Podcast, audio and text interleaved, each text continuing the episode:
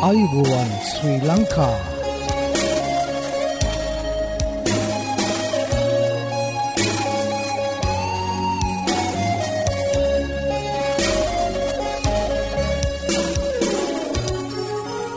ඔබට සුපදවස මේ ඇඩවෙන්ටිස් වර්ල් රේඩියෝ බලාපොරොත්වය හඬයි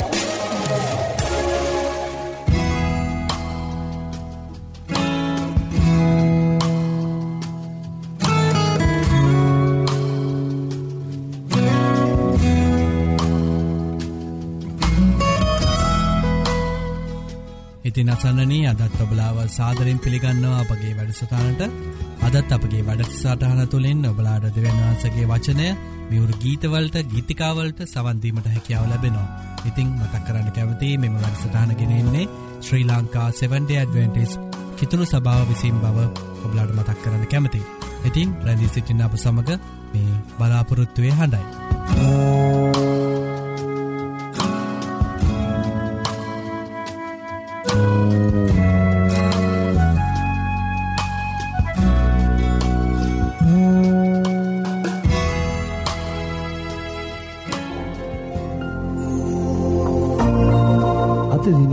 බයිබල් පාටය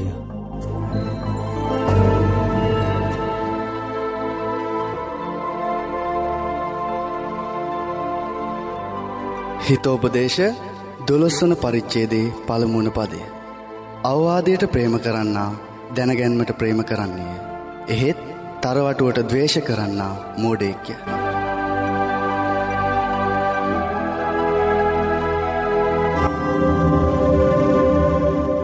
ආයුබෝවන් ඔබ මේ සවන් දෙන්නේ ඇඩවෙන්ටිස් වර්ල් රේඩියෝ බලාපොරොත්තුවේ හඬටයි.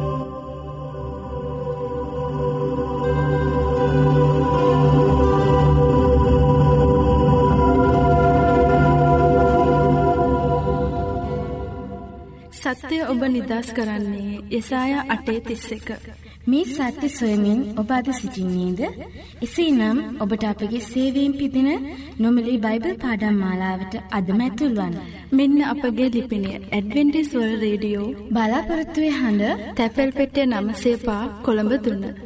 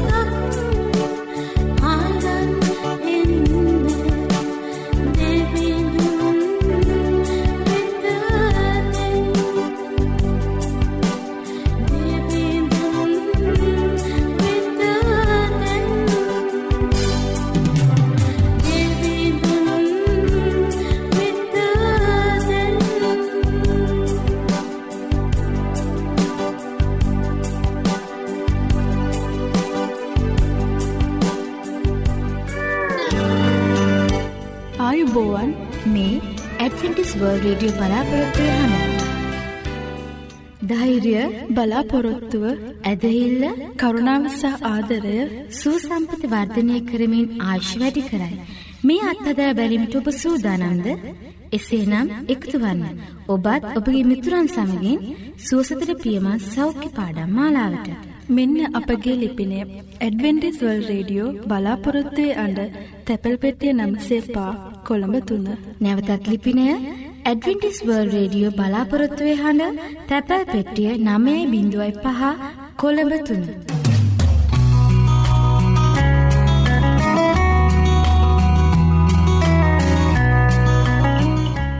ඉතින් අසන්නනී ඔබලාට ස්තුතිවන්ත වෙනවා අපගේ මෙම වැඩසටාන් සමඟ එක්වී සිටීම ගැන.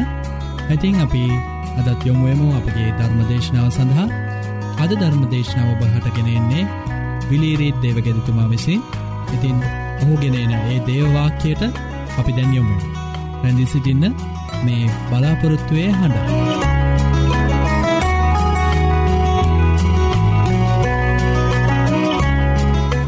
අයිබෝවන් ප්‍රිය අසන්නන ඔබ සියලු දෙනාටම සුභ සන්ධ්‍යාවක් වේවා. මිත්‍රවරුණී මීට අවුරුදු ගණනාවකට ඉහතදී සතවර්ෂ ගණනාවකට ඉහතදී එංගලන්තේ රොබට් බෘස් නම් පාලකෙක් සිටිය.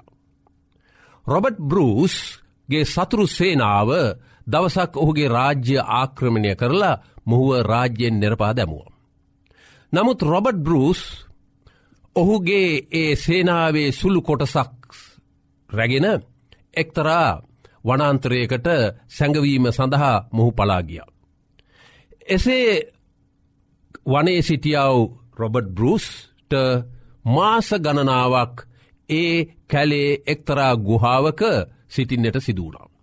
මේ තැනත්තා කල්පනා කරන්න පටන්ගත්තා මම කොහොමද මගේ රාජ්‍ය ආපහු ලබාගන්නේ. මට සිටින සේනාව අතලොස්සක් පමණයි නේද කියලා ඔහු බිම වැතිරිල්ලා ඒ ගුහාවේ ඉහල කොටසේ එක්තරා මකුළුවෙක් දැලක් වියෙනවා මොහු බලා සිටිය.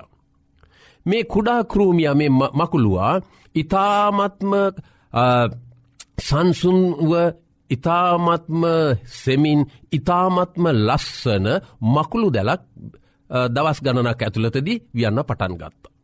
දැන් සියල්ලක්ම නිමූ පසුව මේ මකුළුවා තමාගේ ආහාර සඳහා ඒ දැලට පැටලෙන එක එක කරූමින් පැටලෙනවා බලමින් සිටිය. නමුත් අවාසනාවකට වගේ තද සුළඟක් නිසා මේ මකුළු දැල කැඩුණ. දැන් රොබට් බෘස් කල්පනා කෙරවා දැන් මේ මකුළුව මෙතැන් පටන් මොනවා කරන්නට යයිද. නමුත් මේ මකුළුවා. ඉක්තාමත්ම ඉක්මනින් යළිත්වරක් ඔහුගේ ඒ මකුළුවාගේ ඒ දැල වියන්නට පටන් ගත්තා. දවසක් පමණ ගත වුණා දවස් දෙකක් පමණ ගත වුණා මකුළු දැලද නිම වුණා. දවස් ගණනාවක් මේ ආකාරයෙන් සති ගණනාවක් මේ ආකාරයෙන් මේ මකුළුවා මේ දැලට පැටලෙන කරූමීන්ව ඩැහැගෙන ජීවත්වෙන්න පටන් ගත. නැවත වරක් තද සුළඟක් ඇවිල්ලා මේ සිටපු මේ මකුළු දැල විනාශයට පත් වුණා. රොබට් බෘස් කල්පනා කෙරුව දැන් දෙපාරක් මේ මකුළු දැල කැඩුනා මකුළුව මේ පාරත් මොනවා කරයිද. නමුත් විස්මයට පත් වනා මේ රජතුමා මේ මකුළු අදිහා බලලා. මක්නිසාද මකුළුවා දැන්නේ මකුළු දැලේ තිබුණු දැල් ටිකක් ගනව වියන්නට පටන් ගත්තා. ඉතාමත්ම සූක්ෂම ලෙස ඒ දැල වියන්නට පටන්ගෙන හමාරකනු ලැබුව. තද සුළඟ හමන්නට පටන් ගත්තා. ඒ වෙට මේ දැල බිඳුනේ නෑ කැඩුනේ නැහැ. ඉතාමත්ම ශක්තිමත්වයි මේ දැල මේ මකුළුවා වියලා තිබුණේ. දෙපාරක් කැඩුන අදහිරියට පත් වනේ නැහැ මේ මකුළුව තමාගේ ජීවිතය ගෙනෑම පිණිස තමාට තිබුණාවේ දක්ෂකම අනුව යළිත්වරක් දැල තිබුණාටත් වඩා ශක්තිමත් ශක්තිමත්ව එය වියනු ලැබුව. දැන් රොබට් බෘස් කල්පනා කෙරවා මේ කුඩා කරූමිය මේ කුඩා සතා අදහිරියට පත් වනේ නෑ දැල කැඩුනා ඔහුගේ වාසස්ථානය කැඩුනා. නමුත් අත්හැරගියේ නෑ යළිත්වරක් ඒක හැදවා. තුන්වෙනි වරට ඒ මකුළු දැල තිබුණාටත් වඩා ශක්තිමත්ව මේ කරූමිය හැදවා නේද කියලා මේ රජතුමා කල්පනා කරන්නට පටන් ගත්ත.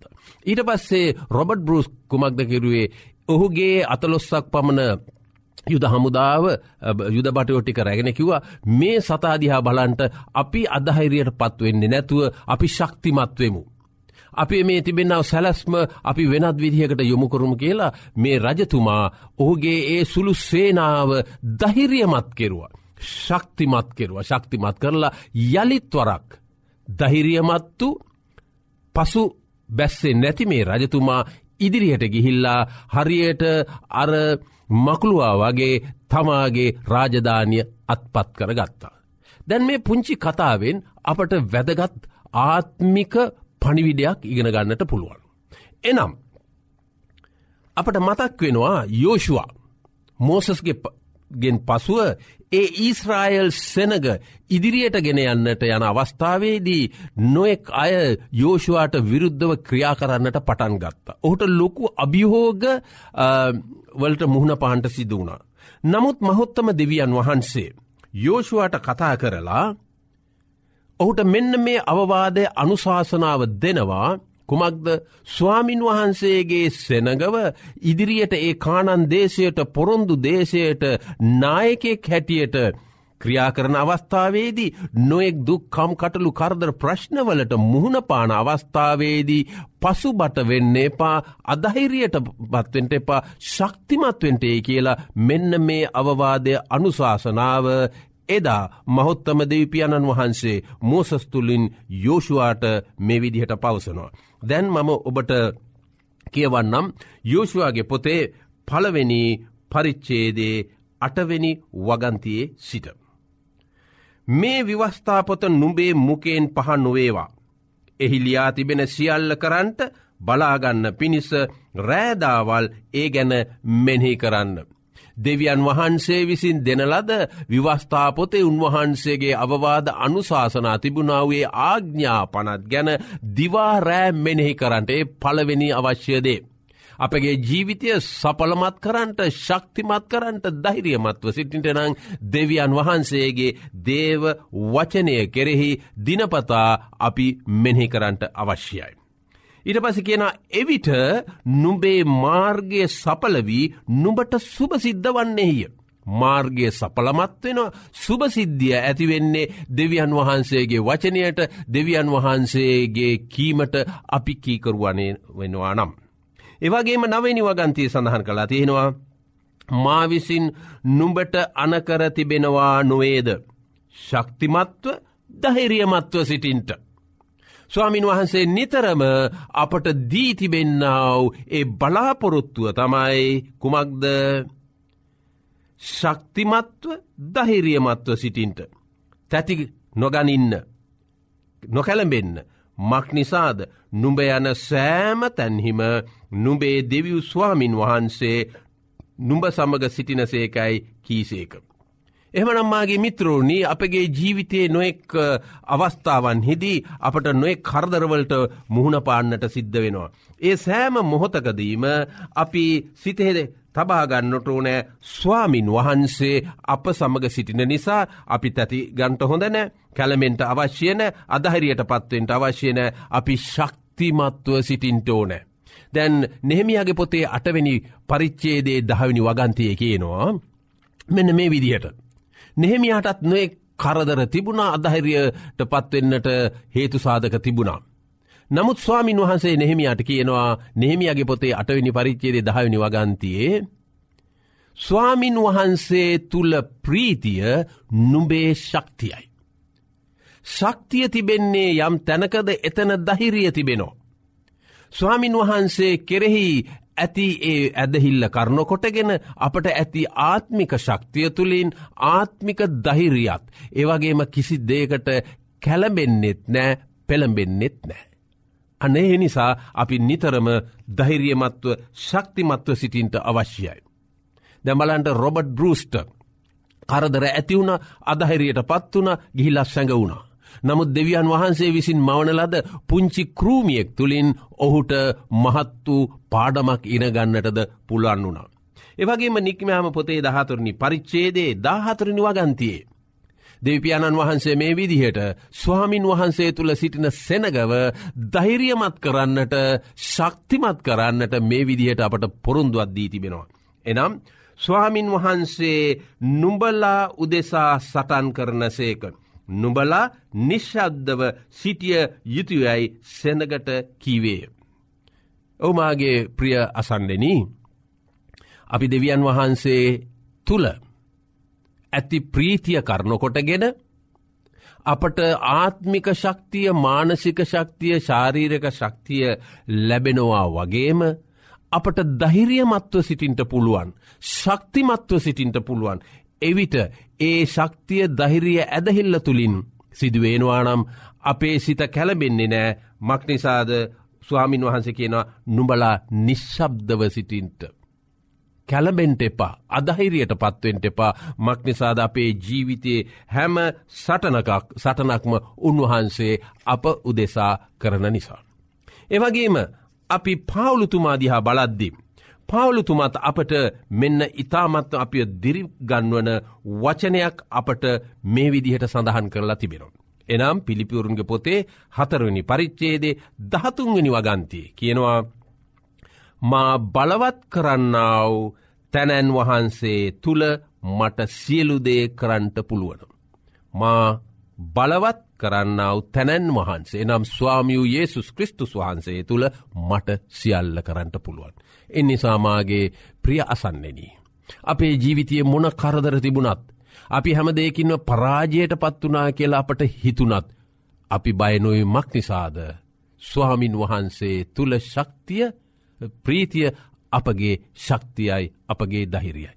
එනිසා අපෝ බලවත් කරන්නාව ස්වාමියූ යේසුස් කෘස්තුස් වහන්සේ තුළ අපට සියල්ල කරන්නට පුළුවන් බව අපි තේරුම් ගෙන උන්වහන්සේ තුළ අපි දහිරියමත්ව එන්නව අභිහෝගෝල්ට මුහුණ පාන්නට උන්වහන්සේ අප සමග සිටින නිසා අපි දහිරියමත්ව උන්වහන්සේ තුළ අන්තිමය දක්වා ස්තීරව සිටින්නට අධිෂ්ඨාන කරගනිමු අපි යාඥා කරමු.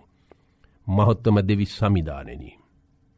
ඔබ වහන්සේ කෙරෙහි විශ්වාසවන්තව සිටින්නාව ඔබ වහන්සේගේ බලය කෙරෙහි ඇදහිල්ල ඇත්තාව සියලු දෙනාටම ඔබ වහන්සේ ශක්තිය බලය දෙන බවට දීතිබෙන පොරුන්දුවලටත් ස්තුතියි. ස්වාමින් වහන්ස හැම දෙයින්ම ඔබහන්සේ අපිය ධෛරියමත් කොට ශක්තිමත් කොට ඔබහන්සේ අපගේ ජීවිතයේ හැම සටනක් උදෙසාම සටන් කරමින් අපට ජයග්‍රහණය ලබා දෙන්නට ඔබවහන්සේ අප කෙරෙහි දක්වන්නාව ඒ අසීමිත ප්‍රේමයටද ස්තුතිවන්තවෙමින්. ස්වාමීණී අපගේ ජීවිත සියල්ලක් බොබහන්සේට භාරදී.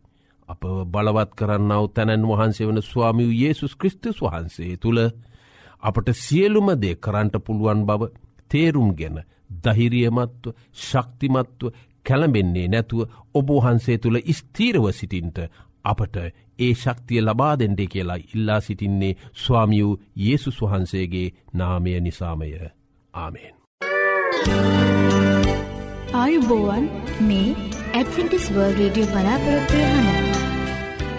යෙසාය පනස්සිකි දොළහා නුම්ඹලා සනසන්නේ මමය. ඔබට මේ සැනසම ගැන දැනගානට අවශ්‍යද?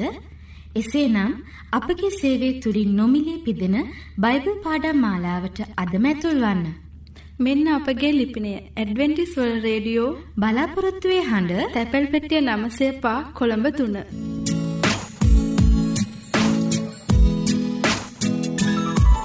ඔබි ප්‍රේමය මගේ ජීවිතේ වෙනස් කලා ඔබ පියසේ සිටින්නට මට හැකිවුණා ඔබේ ආදරේ කඳුලෙන් සිටිමයි සිරුවා පෙම්කරන් යසුනී සැබදා ඔබි ප්‍රේමය මගේ ජීවිතේ වෙනස් කලා ඔබ පියසේ සිටින්නට මට හැකිවුණා ඔබේ ආදරේ කඳුලෙන් සිටිමයි සිරුවා. මෙම්කරම් යසුනී සැමදා. ඔබි ප්‍රේමය මගේ ජීවිතේ වෙනස් කලා ඔබ පියසේ සිටින්න සිටින්නට මට හැකිවුණා ආදරේ කඳුලෙන් සිටිමායිසිරුවා පෙම් කරම් මගේ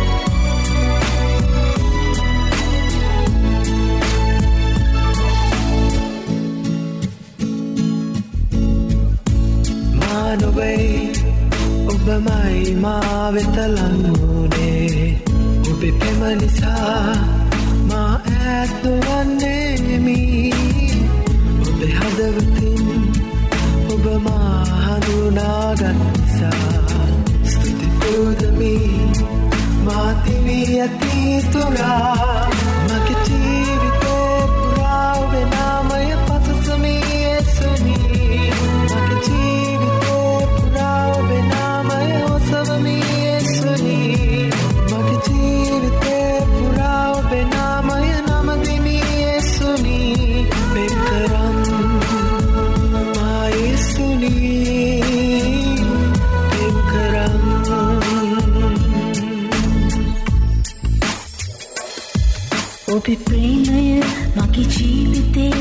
වෙනස් කළා. ඔබ අපියසේ සිටින්නට මට හැකිවුණා ඔබේ ආදරේ කඳුලෙන් සිටිමායිසිරුවා පෙම් කරම් යසුනී සැබදා. ඔබේ ප්‍රේමය මගේ ජීවිතේ වෙනස් කළා. ඔබ අපියසේ සිටින්නට මට හැකිවුණා ඔබේ ආදරේ කඳුලෙන් සිටිමායිසිරුවා පෙම් කරම් මගේ යසුනී පෙම් කරම් මගේ යසුනී අපේ මෙම වැඩසටාන තුළින් ඔබලාට නොමිලේ ලබාගත හැකි බයිබල් පාඩං හා සෞඛ්‍ය පාඩම් තිබෙනවා. ඉතිං ඔබලා කැමතිනං ඒවට සමඟ එක්වෙන්න අපට ලියන්න. අපගේ ලිපින ඇඩවෙන්ටිස් වර්ල් රඩියෝ බලාපොරොත්තුවය හඬ තැපැල් පෙට්ටිය නමසේ පහ කොළඹ තුන්න මම නැවතත් ලිපිනීම තක් කරන්න ඇඩවෙන්ටිස් වර්ල් රඩියෝ බලාපොරොත්තුවය හඬ තැපැල් පෙට්ටිය නමසේ පහ කොළඹ තුන්න ඒවගේ මොබලාට ඉත්තාමත් ස්තුතිවන්ත වෙනවා අපගේ මෙම වැඩසිරාණ දක්කන්නාව ප්‍රතිචාර ගැන අපට ලියන්න. අපගේ මේ වැඩසිටාන් සාර්ථය කර ගැනීමට ඔබලාගේ අදහස් හා යෝජනා අපිට අවශ්‍ය අදත් අපගේ වැඩසටානය නිමාව කරාලඟාව තිබෙනවා. ඉතිං පුරා අඩහෝරාව කාලයක් අප සමඟ රැඳී සිටිය ඔබට සූතිවන්ත වෙන අතර හෙටදිනෙත් සුපුරෝධ පරිති සුපුරෘදු වෙලාවට හමුවීමට බලාපොරොත්තුවයෙන් සමුගන්නාමා ප්‍රස්ත්‍රියකනායක ඔබට දෙවියන් වහන්සේගේ ආශිරවාදය කරනාව හිමියේවා.